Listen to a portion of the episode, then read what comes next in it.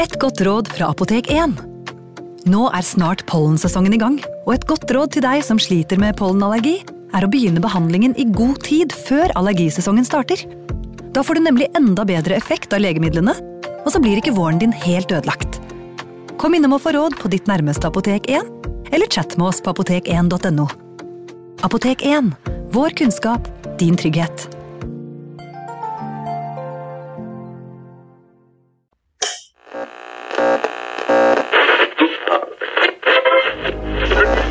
Vi skal gjenta særmeldingen i dag. Nummer én Kjerringa er galen. Nummer to På ski over lyng og kvast. Nummer tre Baklengs inn i aftensangen. Baklengs inn i aftensangen. Vi holder oss i denne podkasten, Eirik Veum, til eh, for nå, da, i Opplandsområdet, eller eh, ja, hva heter nå dette distriktet? Innlandet heter det nå, i hvert fall. Ja, nei, Vest-Oppland er vel eh, Ja. det rette strøket. Så nå skal vi til Gjøvik. Det er jo da i nærheten av Sollia, hvor vi var en, eh, et lite streif forrige uke med Osvald-gruppa. Det kommer vi tilbake til. Uh, ukas hovedperson heter, og nå må vi bare liksom legge et lite forbehold på bordet her. Vi er bitte litt usikre på eh, selve etternavnet. Karsten Tank er i hvert fall for- og mellomnavn, men hva heter han til etternavn? Vi har jo kommet frem til her at vi vil uttale det som Lorange, Ja. men det er nok noe fransk der opprinnelig. Ja, Men eh, det er skrevet på en måte som gjør at eh, sannsynligvis så ble det uttalt på den måten, altså den norske versjonen, altså Lorange. ja altså det var sikkert noe Lorange i opprinnelig, ja. Ja. Men vi sier Lorange, så får eventuelt etterkommere eh, ikke Ta kontakt. Ja, ikke drepe oss, men uh, si fra. ja, ring. Ring, ja. Send melding. Uh, hvor, ja, du sa det, vi var i Vest-Oppland. Uh, vi Gjøvik, nærmere bestemt, da. Ja, vi skal til Gjøvik. Og hvem var Karsten Tank Lorange? Nei, altså han er jo da en eh, En av de aktive unge guttene, mennene på, på, i det området her gjennom 30-tallet. Ja. Han var russeformann, han eh, var også musiker. Uh, drev um, jeg, Altså, jeg har søkt, søkt han opp, og jeg ser at mange av uh, altså, lo- de skriver jo artikler om han. Ja. Og han, eh, han er med på Han spiller et korps, og eh, han leser opp eh, tekster som en del av underholdningsbidrag under, under folkefester på Gjøvik. Han er med og, og setter opp uh, stykker i Gjøvik Dramatisk Forening, altså sikkert en, en teatergruppe eller noe sånt. Mm. Han er også en idretts, uh, idrettsmann, er trener i god form, og han får da snart uh, jobb som politikonstabel, altså en midlertidig stilling Ja. i politiet på Gjøvik. Og han er jo også da sønn av, eh, av politimesteren eh, i byen. Ja. Eh, Herr eh, Lorange. Ja. Eh, og så var han da også nasjonalsamlingmedlem fra ti tidlig av. Ja, han eh, gikk jo veldig tidlig inn. Han gikk inn i enten 1933 eller 1934. Jeg har jo søkt veldig i arkivene etter han, så der er det litt ulike opplysninger. Men han er i hvert fall en av de eh, som går inn, eh, går inn i partiet da helt i starten. Og han, han, var ikke noen sånn som snudde kappen etter vinden, han var en overbevist nasjonalsosialist, det eller nazist, da. er nok helt riktig å si. Og han er jo også I en periode så jobber han eh, som eh, ja, kall det reporter da, eller journalist i en, eh, i en veldig høyreorientert lokalavis som ja. het Vest-Oppland. Mhm. Og eh, det er jo også dette veldige sympatien, da, eller veldig eh, klare uh, tilhørigheten til Nasjonal Samling som gjør at han eh, i og for seg etter hvert også kommer da i konflikt med ordføreren eh, på Gjøvik, eh, Nils Ødegaard, som tilhører, eh, tilhører Arbeiderpartiet. Ja.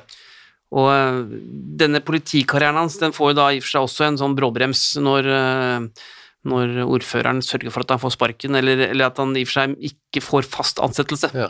Uh, og begrunnelsen han får, er at uh, det er fordi at faren er politimester, men, uh, men det blir jo spetakkel, og, og han mener jo at det er politisk begrunnet det at han ikke får, får jobb i politiet. Ja. Og at ordføreren da har vært inne og, og påvirket den beslutningen. Dette skulle løse seg litt mer når eh, krigen kommer, da. Ja, altså mm, etter krigsutbruddet, altså etter april eh, 1940, så blir jo plutselig Karsten Tank Lorange en av de som eh, i og for seg gjør lynkarriere i politiet. Ja. Han får jo selvfølgelig en eh, fast jobb der, og, og for oss etter hvert en eh, ganske betydningsfull eh, stilling. Da er det jo ingen Arbeiderparti-ordfører som kan Nei. ødelegge for han lenger, og etter hvert så utmerker han seg ved å, å innlede eller jobbe tett sammen med mm, det tyske sikkerhetspolitiet. Mm. Og etter hvert så, så blir, blir han jo også Gestapos faste kontakt eh, i politiet, eh, og, og, og om, eller jobber da med, med saker i eh, Gjøvik-området. Ja, og tolk var han også, så han kunne gå tysk, da, tydeligvis. Ja, det har han åpenbart lært seg. Han var også skoleflink. Men eh, han eh, får jo også en, eh, en funksjon som informant, Ja. og får et eget agentnummer, 66, og eh, blir jo da innrullert, eller, eller eh, ikke innrullert, men han blir eh, registrert da, som en, en fast eh, medarbeider eller eh, en agent med tilhørighet til Abteilung eh, 4, altså Gestapo, og får en egen føringsoffiser, Mm. SFs Hauptsturmführer Ernst Josef Albert Weiner, som da blir, blir, blir hans kontakt. Han skal vi også møte igjen i senere anledninger. Ja, han møter vi igjen seinere, men morsomt også er at Loranger får jo da også et kallenavn ute i byen, eller på, på bygda i Ja. De kaller han for Kalven, fordi han alltid dilter etter faren sin. Ja, Vi ser for oss en ganske myndig og eh, innflytelsesrik far, og en sønn som eh, gjør som godt han kan for å gå i hans fotspor. Da. Ja, og i motstandsmiljøet så blir det jo ganske, i og for seg etter hvert ganske kjent at at Lorange er jo en av de som jobber også tett med tyskerne, men samtidig da gjør deres metoder til sine egne, og han er med på en rekke aksjoner mot motstandsmiljøet. Mm.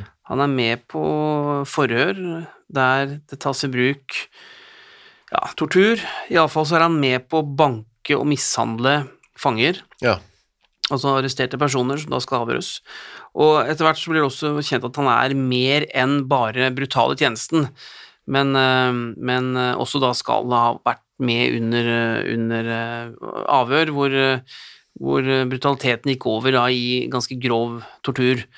Og etter hvert så sprer ryktene seg i byen, altså i Gjøvik. En liten by. Ja, og han, han blir omtalt som en av de som, som virkelig er mislikt, og ja, jeg vil si kanskje hata, Ja. når jeg leser i og for seg det som skrives om ham. Du, Vi glemte å si eh, at han var gift. Han gifta seg med en eh, likesinnet, skal vi si det? da? Ja, han uh, gifter seg med en dame, eller en pike eller en jente som heter Åse. Hutchinson, ja. Ja, hun er litt yngre enn han, et par år, men hun er jo propagandaleder i Ja. Nasjonal Samlings kvinnegruppe på Gjøvik, og de gifter seg som sagt, og får faktisk en gutt, Ja. en gutt sammen da, i løpet av, av krigen. Så han var familiemann også. Ja. En av de eh, skal vi si, flere plettene på hans eh, rulleblad er jo at han er, også er med på, som de mange politimenn var, da, men på å arrestere jøder eh, da på Gjøvik, da de skulle deporteres i eh, 42. Mm, han, han deltar i disse jødearrestasjonene høsten, den høsten der.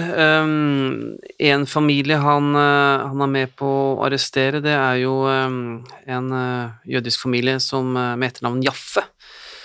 Og der blir jo en hel familie sendt da til, eh, til konsentrasjonsleiren Auschwitz. Ja. Og begge foreldrene, da, og, og også en av, en av sønnene der, blir jo, blir gasset i hjel like etter, etter de kom til leiren. Mens eh, de to eldste sønnene, som da er vel eh, ja, i slutten av tenårene, den eldste er vel 21 år, men de ble satt til å, å jobbe der, også såkalt tvangsarbeid, men de, de dør jo da senere i, i leiren, så det er en hel familie som, som blir igjen der nede, Og aldri kommer tilbake det kommer tilbake. Så jobber han i tillegg, eh, som du var inne på, så jobber han jo mot eh, motstandsbevegelsen, og han eh, samarbeider etter hvert med en eh, annen infiltratør og angiver, Ja, Oskar Strømstad. Ja, eh, han er også norsk, eh, er jo da bosatt på Raufoss, men er i og for seg veldig operativ i, hele, i hele distriktet her. Og de to jobber tett sammen, og, og etter hvert, altså gjennom vinteren tre, altså høsten og vinteren 43 og utpå nyåret eh, 44, så blir jo Lorange lagt mer med merke til, Mm. og han blir vurdert som en stadig større trussel eh, for eh, motstandsmiljøet eh, i hele Toten-området. Og særlig ser det ut til at han konsentrerer seg da eh, ekstra eh, om eh, Osvald-gruppen og Asbjørn Sunde. Mm. Og etter at Strømstad og, og Loranga jobba Man må jo si godt, da. Altså, de, de, var flinke yep. i, i det de drev med. Så har de i og for seg kommet på sporet da, av to av, av Asbjørn Sundes uh, viktigste i og for seg ja, samarbeidspartnere, altså informanter, eh, på Eina. Og um, de begynner å sirkle seg rundt dem, og frykten nå i uh, Osvald-gruppa er jo at de faktisk skal få tak i dem. Arrestere dem og begynne å pumpe dem for, for opplysninger, selvfølgelig da under, eh, under tortur. Og det er i, dette tidsvinduet her, altså utpå våren 1944, at Osvald-gruppa bestemmer seg for at, eh, at Karsten Tank Lorange, han, eh, han eh, må likvideres. Altså, han må dø. Og det eh, foregår altså Asbjørn Sunde gir oppdraget til tre av medlemmene. Mm, Ja. Rolf Andersen, 23 år, eh, havnearbeider blant annet, Mm, fra Oslo. Eh, Harald Ottar Cyril Becker fra Lier, 23 år. mm. Og så tredjemann som er litt mer eksotisk. Ja, han er jo en uh, sovjetisk uh, statsborger som tidligere hadde i og for seg rømt da, fra en tysk eh, fangeleir på Os utenfor, uh, utenfor Bergen. En som det gikk litt bedre med enn han vi snakket om i forrige episode. Ja, for han her overlever jo. Ja. Og han het Ivan Trofimovitsj Pukin-Boroda, og var jo da fra, fra Sovjetunionen, og, og deltok da i dette oppdraget her, sammen med, med Andersen og, og Becker. Så hadde de fått seg en medhjelper på Gjøvik, en eh, lokal kjenning, da. En eh, sveiser. Ja. Christian Juel Willy Andresen. Mm. Og veldig mye sånne mm, folk med sånne altså mekaniske yrker, manuell, med havnearbeidere, eh, mekanikere, sveisere. Ja, dette var jo en kommunistgruppe, og blant arbeidere og arbeidsfolk så hadde de på den tida der sin noen av sine, sine kjernetilhengere, og det var også der de rekrutterte inn denne type mannskaper, som i og for seg både var mentalt og fysisk i stand til å gjøre slike oppdrag. Sterke karer. Ja. Ok, da drar disse tre, eh, Andersen, Becker og Pokimboroda eh, ned til Gjøvik og møter da denne Mikkelsen, da, eh, som han kalles, han heter jo egentlig Andresen, Mm. for å forberede eh, og planlegge hvordan de skal få tatt livet av herr Tanklorange. Ja, og det Vi er nå kommet til 2. mai. Så så- rett etter at eh, ble skutt. Ja, vi er jo dagen etter, da, hvis, mm. hvis alle opplysningene om denne Sjeskat stemmer, som vi Ja. snakka om i forrige episode. Men vi er da 2. mai. em, ved firetiden på ettermiddagen altså, så, så er de kommet ned i sentrum og sitter da på Grand Café I Gjøvik, ja. ja, Gjøvik, som lå i eh, Hundsvegen 2. Og der sitter du da og, og venter på Lorange, som da kommer fra jobb. Um, For nå er vel planen at de skal må finne ut hvordan han ser ut. ja, og um, Lorange har jo da vært, uh, vært på, på politikammeret, hvor han jobber som betjent, som vi snakka om, og um, han Altså, de vet jo at det er omtrent på dette tidspunktet han pleier å, å passere denne kafeen på vei hjem da fra, fra jobb, og han, han pleide å gå eh, til og fra, fra politikammeret. Jeg bare skyte inn at eh, disse tre gutta har syklet fra Sollia, Ja, og det er en, en god bit. det er et godt stykke.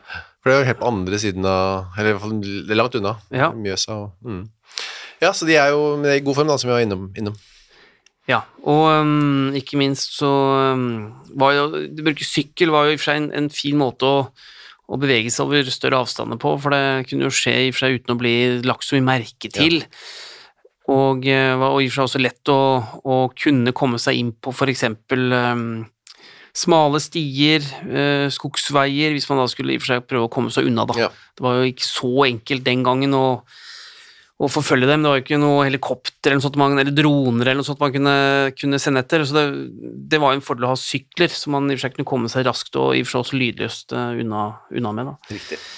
Så sitter de på Grand Café, tar seg en kaffe. Nå vil jeg bare også spørre om ting som kanskje ikke du vet, men øhm, denne russeren, eller sovjetrusseren som de har med seg, han må da ha skilt seg litt ut blant liksom, lokalbefolkningen på Gjøvik, tenker jeg.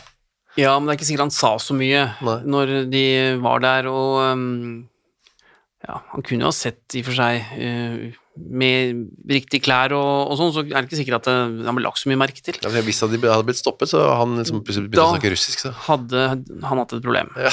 De, så de tar en sjanse, da, virker De tar en sjanse, men uh, samtidig så vet du at ikke Altså, mange av disse litt mindre byene så var det jo ikke nødvendigvis stor, altså masse kontroller og, og sånn. Og um, det kan være at man eh, ønsket å bruke han her fordi han rett og slett eh, var krigsveteran og, Mm. og var i stand til å løse et sånt oppdrag. Han kan ha vært eh, en god skytter, eh, god til å lese et område for å vite hvor det var smart å, å gå i sette opp et bakhold, eksempel. Mm, ja. Og de fikk jo lokal hjelp. Riktig. Så det ja, mm, tok seg den sjansen var verdt å ta, på en måte. Ja, og, og denne ettermiddagen her så greier de da å, å se hvem han er, og, og um, sørge for at de, um, de uh, får uh, ja, uh, et godt inntrykk da, av, av hvordan han ser ut, sånn at det er lettere neste gang de kommer tilbake, og da vite at de dreper rett person. Ja. 5. mai, fredagen, er de tilbake. Ja. Da er det samme eh, prosedyre. Karsten Tanklorange går forbi i sivilt eh, ved firetida utenfor Grand Café. Ja, han kommer da fra kontoret. Han har på seg eh, sivile klær, han går altså ikke uniform. Han har på seg en eh, hatt og en frakk. Og da sitter jo disse tre karene inne på kafeen, og så ser de han komme gående, og så lar de han passere kafeen, altså mens de ser på han gjennom vinduet, før de da velger å, å gå ut. Og eh, de tar eh, da syklene, som tydeligvis da står eh, i nærheten, eller parkert da, eh, utenfor, hvis man parkerer en sykkel. Eller sette fra seg en sykkel. Du må parkere, parker, man kan si man parkerer sykkel. kan parkere en sykkel. Og um, mens da um, Loranger går, så, så sykler de da etter ham. Um, det er da uh, Becker og Pokenboroda som sykler etter Loranger, mens Rolf Andersen han, han holder et uh, lavere tempo og, og blir hengende litt, litt etter, det er selvfølgelig bevisst. Men eh, de to da som sykler fremst, de, de passerer Loranger, som da fortsatt går, og skjønner jo ikke noe om det som er i ferd med å skje, og så stopper de da litt lenger fremme, mens da Andersen kommer syklende litt saktere fart og kommer bakfra. Så går Lorange forbi de to som står og venter der, og så venter de litt, og så sykler de forbi han igjen. Ja. Dere, dette er jo litt sånn underlig oppførsel. Ja, og det de har sagt etterpå er at uh, Lorange, da, som i og for seg nå har jo vært polititjenestemann i flere år, og, og er jo en menneskekjenner, kan man jo kanskje si. Altså, han forstår jo når folk oppfører seg litt sånn unormalt, Ja. kanskje. Han, ifølge dem selv, da, så ser han litt sånn mistenksom på dem. Mm. Og um, Det er fordi de som sagt har sykla forbi igjen, men altså, han, han, han må jo da lure på hvorfor stopper de opp enda en gang, eller hva, hva er det med disse to mennene? Ja. Um, men han gjør ikke noe. Han, uh, han fortsetter å gå, gå hjemover, men har tydeligvis da, ifølge de som så dette her, eh, lagt merke til at det er, det er noe som er i ferd med å skje rundt meg nå, men han skjønner ikke hva. Jeg skjønner ikke helt hvorfor de holdt på å sykle og la han gå forbi og sykle forbi og stoppe. Det Hva er liksom tanken bak det? Det Nei, altså Det kan være at de skal være helt sikre på at det er han. ja, at de skal se nøye på ansiktet Ja, hans? og Det kan også være at de ønsker å sperre eventuell, en, eh, en eventuell fluktvei fremover. Oh, ja. Og at de da har stilt seg der fremme for at Andersen skal da skyte ham, Ja. men hvis han kommer seg unna, eller noe skjer med våpenet til Andersen eksempel, så, så står de klare da til å, til å ta ham Riktig. foran. For det er Rolf Andersen som har fått oppdraget i å skyte. Ja. Og han, han, eh, han eh, setter da opp farten litt på, på sykkelen eh, når eh, Lorangen nærmer seg huset sitt. Ja. Og han sykler opp på, på siden av ham, og så avfyrer han da det første skuddet, og det skjer altså i et kryss som, som ligger mellom Vestre Totenveg og Gjøvikgata. Og da er altså Lorange omtrent 100 meter fra, fra huset sitt i Faukas gate, nummer 11. Dette, disse adressene finnes vel fremdeles? Eller? Ja, jeg har søkt iallfall opp og funnet vel ganske klart hvor dette her uh, skjedde. Det ser ikke sånn ut nå lenger, men, uh, men vei, veiene er jo der. Ja, riktig. Eh, ja, han skyter han, ja. Ja, og det første skuddet, skuddet treffer, og Lorange blir, blir, blir skutt da, altså i, i, i magen.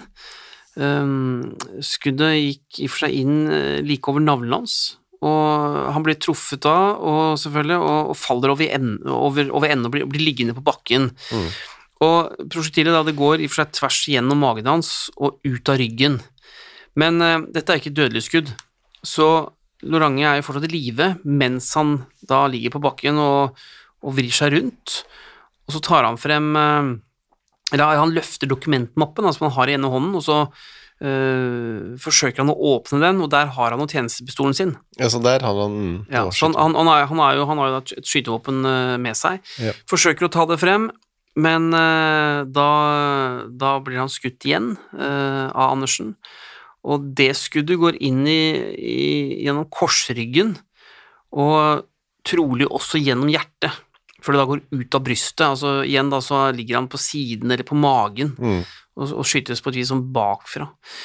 Og um, det ble skutt også, eller avfyrt også et tredje skudd, men uh, det treffer ikke kroppen hans, det går gjennom dokumentmappen da, og, og, og skader, jo, skader han ikke. Men, men, han dør ganske raskt. Begge disse skuddene blir jo da Eller ikke veldig raskt, men, men, men, skuddskaden er såpass alvorlig at det er ikke noe håp om å redde livet her. Altså, de da, blir da definert som dødelige, begge disse to skuddene. Det står en 14 år gammel gutt og ser på dette?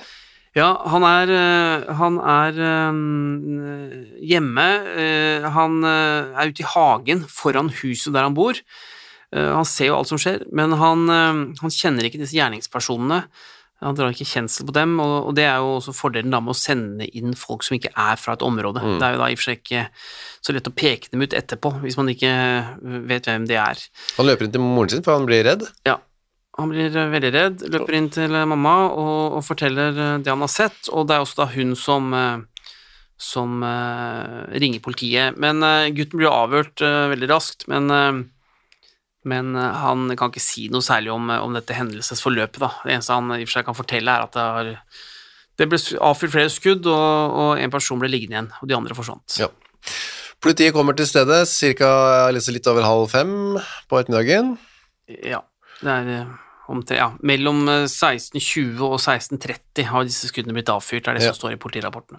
Og Når de kommer fram, da, så ligger da Karsten eh, Lorange og er i live? Ja, han er i live, og um, han ligger da på magen da i denne grøfta ved mm. siden av veien, og så har han armene over hodet og ligger nesten, nesten sånn, i en sånn fosterstilling, da, med at han har trukket bena litt opp mot magen.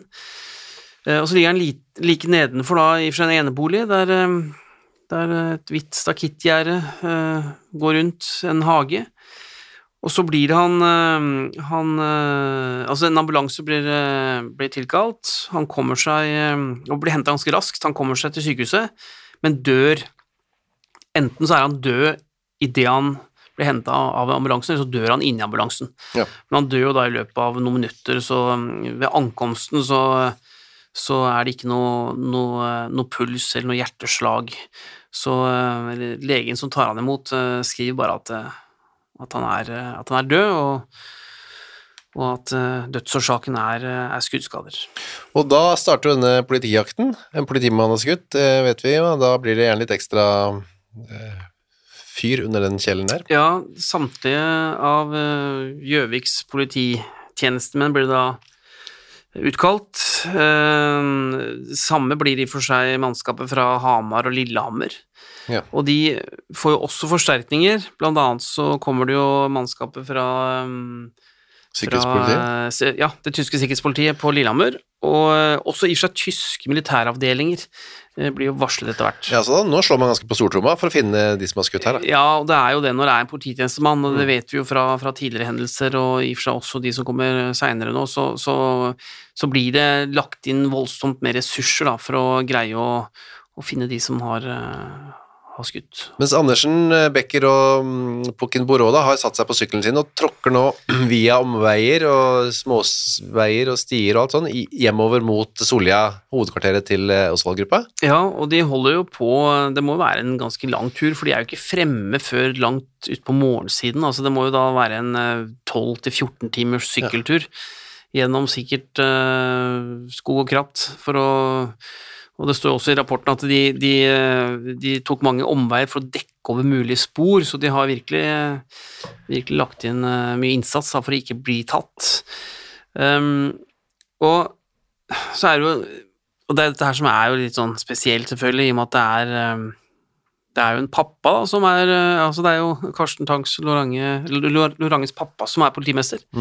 Og han er jo den som skriver da rapporten da om likvidasjonen av sin egen sønn. Ja, det må være en spesiell Ja, eh, jobb. Så kan man jo si hva man vil om, eh, om alt her, men det er klart det Det, det må jo ha vært en, eh, en ekstrem opplevelse å, å fortelle da i brevsform til kriminalpolitiet og, og det tyske sikkerhetspolitiet i, i Oslo at ens egen sønn er, eh, er eh, likvidert. Og eh, han har vel også, ga, ga vel også uttrykk for at det, det var en påkjenning for ham. Ja, det er noen timer bare siden sønnen ble funnet drept. Ja, og han avslutter også rapporten da med ordene Undersøkelser pågår, men noe resultat foreligger ennå ikke. Johan Christian het han til fornavn. Det, ja, det stemmer. Um, så får de noen tips som er ganske rare, i hvert fall veldig feil. Ja, altså, de får jo da høre at det er en at det er blitt brukt en bil her, Ja. og de sender da ut en i og for seg etterlysning eh, om, en, om en eh, spesiell biltype. Men eh, så lurer man på hvorfor var de så eh, sikre på det? Buick eller Nash skal det ha vært. Stemmer, og øh, når man har et så konkret eh, Kall det vitneobservasjon, så Mm. kan man lure på om den faktisk var da eh, gitt i den hensikt å føre politiet på villspor, og det kan godt ha skjedd. Fordi de sier også at en av dem som satt i bilen, hadde minst en hadde på seg politiuniform. Ja, og øhm, ja, visste hvor mange seter som var i den. Altså, Det var da åpenbart en veldig god vitneobservasjon, men den viste seg da å være helt feil. Så det kan ha vært noen av de vi snakket om i stad, som hata rett og slett Lorange, og ville ikke at eh, morderne skulle bli tatt. Ja, eller kilden kan være i og for seg anonym og være en del av Osvald-gruppas Ja. egne folk, eller. Eller noen da som rett og slett hadde fått beskjed om å melde inn et falskt tips. Det kan det ha vært også. Nettopp for å delta da i ja, i, i arbeidet med å dekke over likvidasjonen og få de da tre eh, attentatmennene i sikkerhet. Så vet vi at de finner ut at det, så det sporet der går selvfølgelig ingen steder, og det, så vet de at det er skutt eh, tre skudd, som vi snakket om. Men så blir det jo veldig obs dårlig stemning da, Ja. i eh, reaksjoner i NS-miljøet. Ja, og det vi har sett etter eh, andre lignende likvidasjoner, altså av, eh, av tjenestemenn i politiet, er at man da snakker om, eh, om represalier. At uh, eh, dette må få konsekvenser, og også innenfor NS-miljøet, altså hos eh, nordmenn, Ja. så vokser det frem et ønske om, om en form for en hevn. Og um, sentrale norske partimedlemmer eh, sier jo at vi, nå må vi sette opp en navneliste over personer som har eh, vært kritiske til de tyske okkupasjonsmyndighetene, og i og for seg også Nasjonal Samling, og disse må arresteres. I alle fall skal de avhøres for å se om de da har, har noe med denne likvidasjonen å gjøre. Og um, her blir det faktisk også gjennomført en sånn kartlegging, og der er det, er det norske NS-medlemmer som er med på det arbeidet. Og um, den oversikten uh, over i og for seg tysk-kritiske og NS-kritiske Gjøvik-bordet blir jo da etter hvert overlevert til, uh, til SS-offiserer ved Gestapo i, uh, i Oslo. Og um, det går også en del rykter i motstandsmiljøet om at uh, Karsten Tank Loranges familie har bedt om at det skulle tas gisler etter denne likvidasjonen.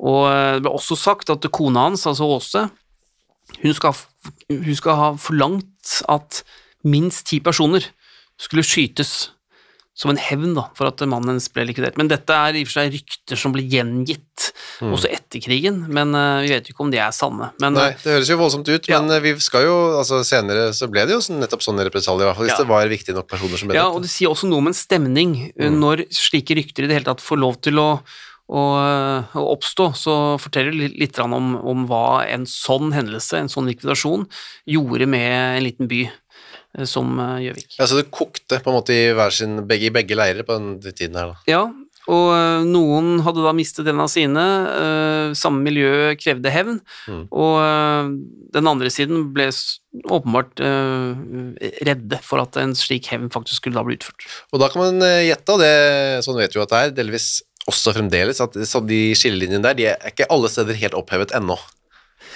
Nei, det, det er eh, Nei da. Det er fortsatt eh, skygger Ja. etter, eh, etter noen mørke år. Og spor og arr. Ja. Og, eh, apropos likvidasjoner, eller represalier etter likvidasjon, så var det jo eh, Carl Martinsen jeg tenkte på, det, er jo senere da, men han var en av de som var til stede i begravelsen til Karsten Tank Lorange, som da ble 34 år. 14, klokka 14, 12. mai så var det mm, begravelse på Gjøvik kirkegård. ja. Og eh, som i mange andre eh, gravferder hvor det var tjenestemenn fra politiet som Ja. skulle, skulle senkes i jorden, så var det jo da æresvakter. Det var da uniformert politi som, eh, som sto rundt, eh, rundt båren. Her lå det hilsen fra ministerpresidenten Viking Quisling. Det var jo blomsterkranser fra lokale NS-lag. Og um, her kom det også hilsener da fra Gestapo, altså det tyske sikkerhetspolitiet, fra, fra tyske Wehrmacht, fra flere politiavdelinger. Eh, der lå eh, en banner med, med eh, eller altså fra Hirden. Ja. Eh, Det var merket med dette solkorset. Politimester Jonas Lie, han var jo her, og også da sjefen for det norske sikkerhetspolitiet og statspolitiet, da, Carla Martinsen. Mm. De var jo i, eh, i kirken i tillegg til en drøss av, av, um, av topper og, og, og lokale ledere fra, fra Nasjonal eh, Samling. Ja, så skulle man virkelig markere at man sto sammen eh, mot dette. Ja, det var en æresvakt her også, som i og for seg sto eh, fra kirken og ned til graven på kirkegården. Ja. Og Der var det jo i og for seg Hirdens befalsskole. Og så var det masse barn fra Nasjonal Samlings ungdomsfylking da, som sto æresvakt, altså un uniformerte barn, Mm. som sto der og, og tok et siste farvel. Da. Så er det alltid ferdig når det går, den er jo en ganger i dag og den. Så er det han um, sognepresten, Mathias Borgersen. Uh, hvordan var det egentlig med prestene der? Ble de liksom, altså, hadde de noe valg, vet du det? Altså, når det døde en eh, NS, eh, sånn som her da, så skulle de holde minnetallet, det, altså det er vanskelig å holde minnetallet her uten å snakke rosende om den avdøde. Ja, og det var ikke Altså, man hadde jo hatt en, eh, en eh, opprydding eller opprenskning blant eh, kirkeansatte, og ikke minst eh, prestene også, Ja. gjennom krigsårene. Og mm, mange av, av eh, biskopene og de som da hadde prestegjerning, de var jo medlemmer av Nasjonal Samling og mistet jo da stillingen og, og ble jo arrestert etterpå. Men jeg ser jo i flere av disse, mm, de, disse gravferdene, så, så er det jo er det jo NS-prestene som er plukket ut, Ja. og som, som, som holder talene, og de er veldig politiske. Ja. Men, men, selve seremoniene med med blomster, med, med, med disse salmene de, de, de er jo ganske like de vi har i dag, Ja. faktisk. Du ser jo salmene de, de, de sang, de er jo Deilig, Mange av de er jo nesten de samme. deilig er jorden, eh, alltid ferdig når det går.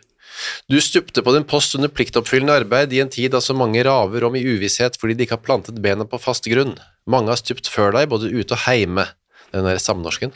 Ja. Men ditt og deres blod er vår sæd, det høres litt rart ut i våre dager da, Ja. og vi vet at det skal gro og bære modent frø igjen. Dere som falt der ute og her heime er hjørnesteinen i den nye bygningen som reises. Vi takker deg for din trofasthet og pliktfølelse i en vanskelig tid for folk og land.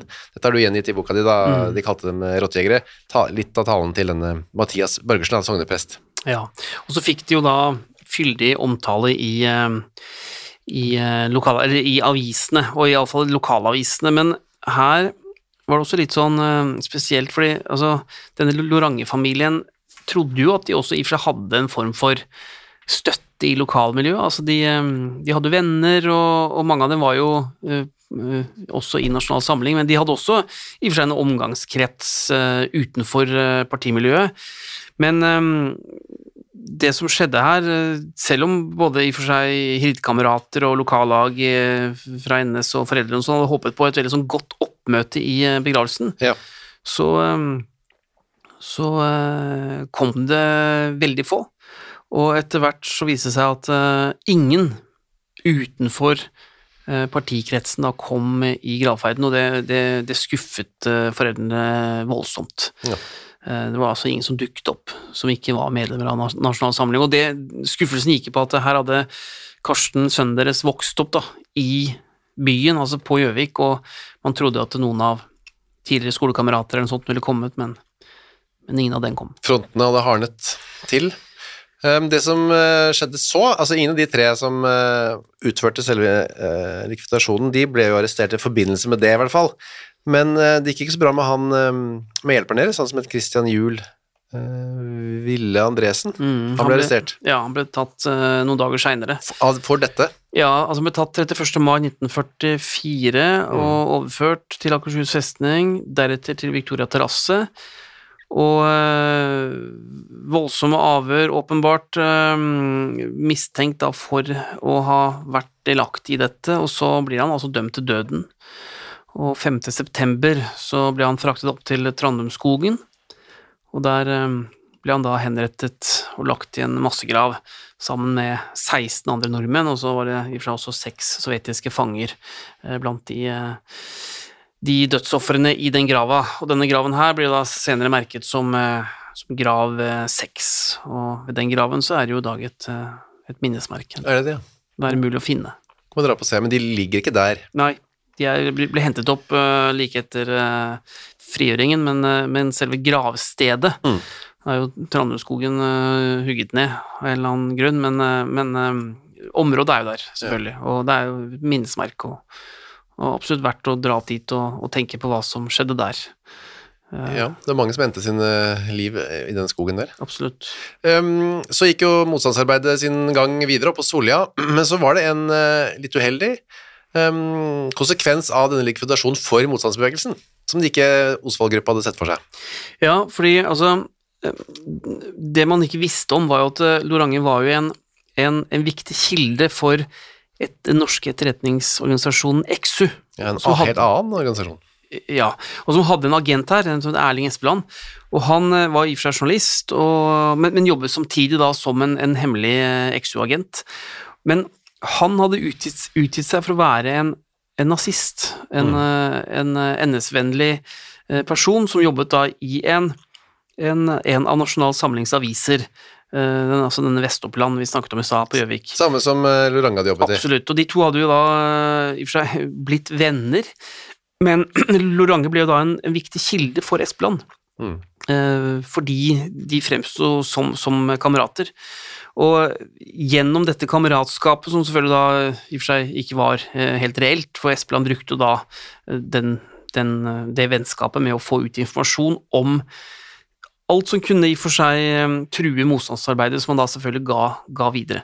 Og ved at Lorange ble, ble likvidert, så forsvant jo også denne kilden for XU Yep. og for eh, Milorg i uh, området, og det var man ikke klar over. Så her likviderte man jo faktisk en av motstandsbevegelsens Kall det uh, uvitende informanter, Uvitende. og det var jo ikke helt med i planen. Nei, det kan hende Asbjørn Sunde hadde syntes det vært verdt det, selv om han hadde visst det. Det kan hende. Vi gir oss der, og er tilbake med en ny likvidasjon. Eh, Denne gangen i, tilbake i det litt mer tåkefulle eh, landskapet. Ja, og litt tilfeldig. Ja, om en uke.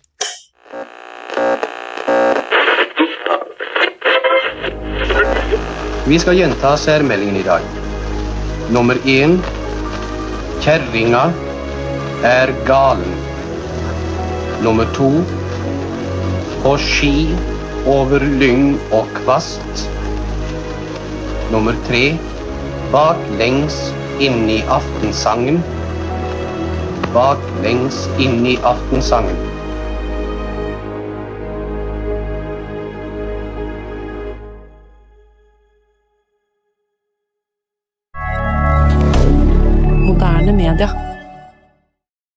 Har du et enkeltpersonforetak eller en liten bedrift? Da er du sikkert lei av å høre meg snakke om hvor enkelt det er med kvitteringer og bilag i fiken, så vi eh, gir oss her, vi.